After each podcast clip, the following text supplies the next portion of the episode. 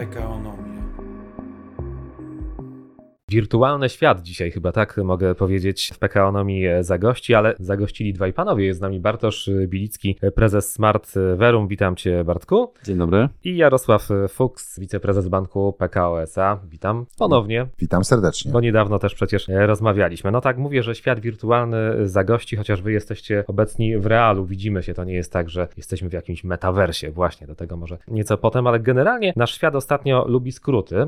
Jeszcze nie tak dawno w PKO mówili mówiliśmy o ESG, a dzisiaj może powiemy o NFT. Wiemy, że taki skrót istnieje, ale chyba nie wszyscy wiedzą, co to znaczy. Bartku, to jest pytanie do ciebie, bo wiem, że się na tym świetnie znasz. Co to jest NFT, ale jakbyś miał wytłumaczyć w minutę? Odpuścimy sobie definicję, że to jest non-fungible tokens i smart kontrakty, programy i tak dalej. Raczej skupimy się na tym, że to jest wirtualny przedmiot, cyfrowy przedmiot bez tego komponentu fizycznego, czyli tak jakbyśmy mieli szklankę na przykład albo krzesło, które nie jest obecne tutaj z nami fizycznie, ale w świecie cyfrowym ma wszystkie właściwości, czyli mogę to posiadać, mogę komuś dać, sprzedać, kupić, handlować i tak dalej. To jest NFT. Bardzo prosta idea, o wiele prostsza niż koncepcja pliku, który komuś wysyłamy i my mamy kopię, ktoś ma kopię, na serwerze znajduje się jakaś kopia. W NFT jest o wiele prościej. Istnieje jeden NFT, który możemy e, handlować, możemy go przesyłać, posiadać i tak dalej. Ale ty jak na tym krześle, skoro jest wirtualne, mówisz, że wszystko z nim można zrobić, ale usiąść nie można. Nie można usiąść, ale jeżeli powiążemy to z obiektem fizycznym, to jak najbardziej. Więc tutaj jest cała gama powiązań na poziomie prawa własności, które na pewno nie zgłębiamy zgłębimy 10 minut.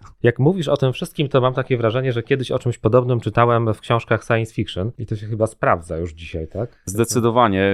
Na takim etapie. Czerpiemy inspiracje z przyszłości i staramy się wdrażać idee, których jeszcze dzisiaj nie ma, ale bez których żyć w przyszłości nie będziemy. Hmm, no proszę, aż tak daleko. Jarku, tak przed chwilą, jak tu Bartek mówił o tym, co to jest to NFT, to trochę się uśmiechaliśmy, prawda? Bo jednak trochę to jest tak, że trudno nam sobie chyba wyobrazić, że faktycznie już tak jesteśmy głęboko zakorzenieni w tym świecie wirtualnym, a co więcej, nawet bank w ten świat wirtualny bardzo mocno wchodzi, no i dowodem tego jest właśnie PKO. Ten świat nie jest nam obcy, bo oczywiście my się zajmujemy taką uniwersalną, tradycyjną bankowością, ale też musimy patrzeć w przyszłość, musimy patrzeć na młodych ludzi i zaoferować im coś, co dla nich będzie atrakcyjne. I myślę, że świat NFT, szeroko rozumiany metaverse, to jest to, z czym musimy do nich pójść, żeby do nich trafić, zachęcić do tego, żeby z nami byli, żeby z nami pracowali, żeby korzystali z naszych produktów, żeby ten ich świat, którym oni po części funkcjonują, a w funkcjonują poprzez gaming, poprzez komunikatory, poprzez różne rzeczy, które w tym tradycyjnym świecie trudno jest znaleźć. No więc, żeby chcieli być, pracować z instytucją finansową taką, jaką jest bank, no to musimy im zaoferować coś niestandardowego, coś nowego, coś, co dla nich będzie interesujące. I myślę, że ten szeroko rozumiany świat NFT,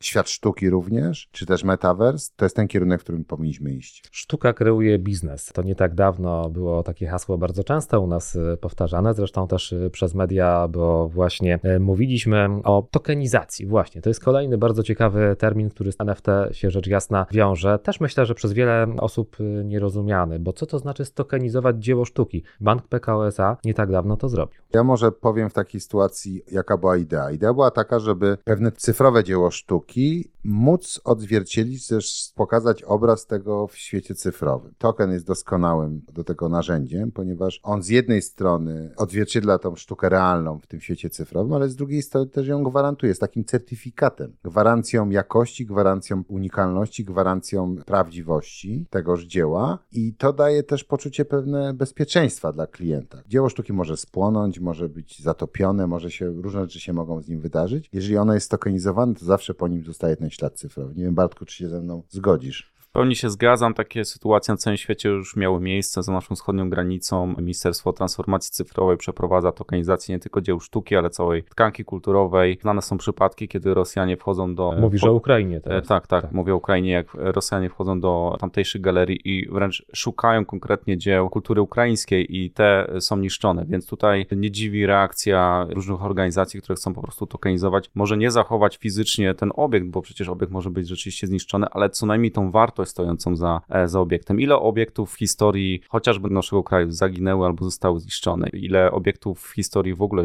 świata sztuki zostały zagubione i nie, nie wiemy, gdzie się znajdują, jak wyglądały, chociażby Biblioteka Aleksandryjska, tak? Ile tam było dzieł. Nikt dzisiaj nie wie, nie zachował się ani jeden manuskrypt ze środka, tak? Więc to jest jakiś pomysł na to, żeby ratować e, wartość stojącą za dziełem. To jest nasze dziedzictwo kulturowe, warto o to dbać. Hmm, niesamowite to, co e, mówicie. Faktycznie jesteśmy w ważnym momencie, to o czym powiedziałeś, ta sytuacja za naszą wschodnią wschodnią granicą, no to faktycznie działa na wyobraźnię, prawda? I tak sobie myślę, że gdyby tak podczas II wojny światowej to już y, funkcjonowało, to dzisiaj wiele tych dzieł byłoby ciągle do zobaczenia. To jeszcze jeden może termin sobie wprowadźmy w trakcie naszej e, rozmowy, bo o metaversie też było dużo. Też Jarku niedawno pojawiłeś się w takim metaversie i co ciekawe, pojawiłeś się tam, można powiedzieć, w sposób taki, który łączy nowoczesność, ale też z art brandingiem, czyli trochę z historią banku, bo właśnie takie dzieła zostały w tym metaversie też umieszczone i chyba żubr tam był główną częścią tych dzieł. Tak, znaczy mam nadzieję, że mówiąc pojawiłeś, nie miałeś na myśli tego łysego małego ludka, który tam Nie, nie, nie, nie, po galerii. Jestem łysy, ale trochę mam inne wyobrażenie na swój temat. W każdym bądź razie, tak rzeczywiście pojawiliśmy się w metaversie. SK World y, stworzyło metavers, w którym myśmy z kolei osadzili naszą galerię sztuki, galerię POP, gdzie można zobaczyć dzieła Kai dzieła właśnie stokenizowane, dzieła, które żyją. No bo trzeba powiedzieć o tym, że ta tokenizacja daje też możliwości, które dotychczas nie były dostępne, bo mamy dzieło sztuki, czyli jakiś obraz, plakat, prawda? Ale poprzez tokenizację, poprzez przeniesienie do świata cyfrowego, do takiego metaversu, my możemy nadać zupełnie inny charakter, inny wymiar. Ta, to dzieło sztuki poprzez to, że na przykład ono jest ruchome, że wydaje dźwięki, że się zmienia w trakcie oglądania, daje zupełnie inne doznania artystyczne i tak naprawdę pokazuje to, że dzięki tej, tej alternatywie, którym jest metaverse, możemy zobaczyć kilka, kilkanaście czy kilkaset odmian tegoż y, pierwotnego dzieła sztuki. To jest coś, co jest wspaniałe, co jest przepiękne. I rzeczywiście tak, postawiliśmy tam w tej galerii POP dzieła Kai Rękas, które zostały przygotowane na 25-lecie bankowości prywatnej, ale myślimy, żeby ten projekt rozszerzyć. Bardzo ciekawą miałem dyskusję niedawno na temat młodych artystów polskich, których być może jest to kierunek, żeby ich pokazać szeroko rozumianemu światu, żeby przeciętny zjadacz chleba mógł mieć dostęp do tej współczesnej nowej sztuki poprzez właśnie ten metavers, bo być może on nie ma czasu na to, żeby pójść do galerii, nie wie gdzie ma iść, nie wie gdzie może spotkać tych młodych artystów, młodych i też starych, bo to też nie, nie, nie powinniśmy generalizować. Metavers jest takim miejscem, gdzie on po prostu w zaciszu domowym może wejść do tego świata i zobaczyć rzeczy zupełnie unikalne. I myślę, że to jest wspaniałe to, że, że ta technologia, ten rozwój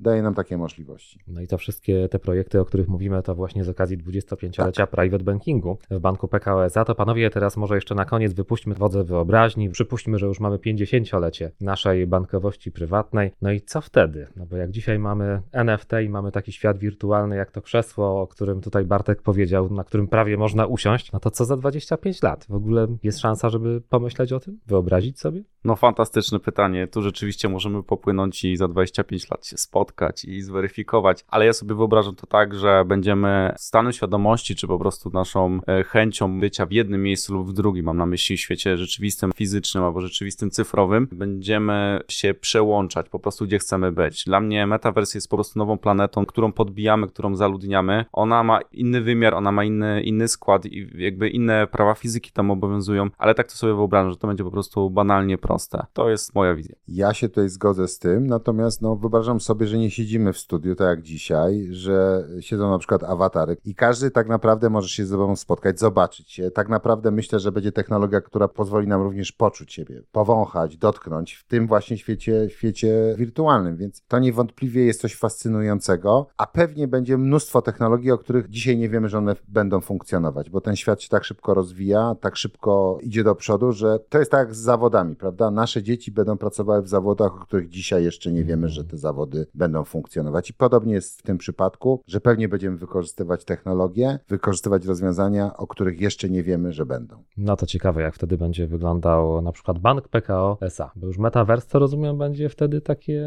coś przestarzałe bardzo. Chyba. Może tak być. Może tak Natomiast być. bank, no niewątpliwie mam nadzieję i wierzę w to głęboko, że będzie funkcjonował, ale być może nie będzie murów, być może nie będzie budynku. To będzie zupełnie inna forma relacji, inna forma kontaktu, no ale też klienci nasi się zmienią w tym czasie, prawda? Za 25 lat to będą zupełnie nowi, nowe osoby. Część z nich jeszcze nie ma na świecie. No to cóż, panowie, to w takim razie umawiamy się na kolejne spotkanie za lat 25. No trochę czasu przed nami i wtedy podsumujemy, czy mieliśmy, czy mieliście rację, snując te niesamowite wyobrażenia. Bardzo dziękuję. Jarosław Fuchs, Bartek Bilicki, dziś w PKO. Do usłyszenia. Dziękuję bardzo. Dzięki.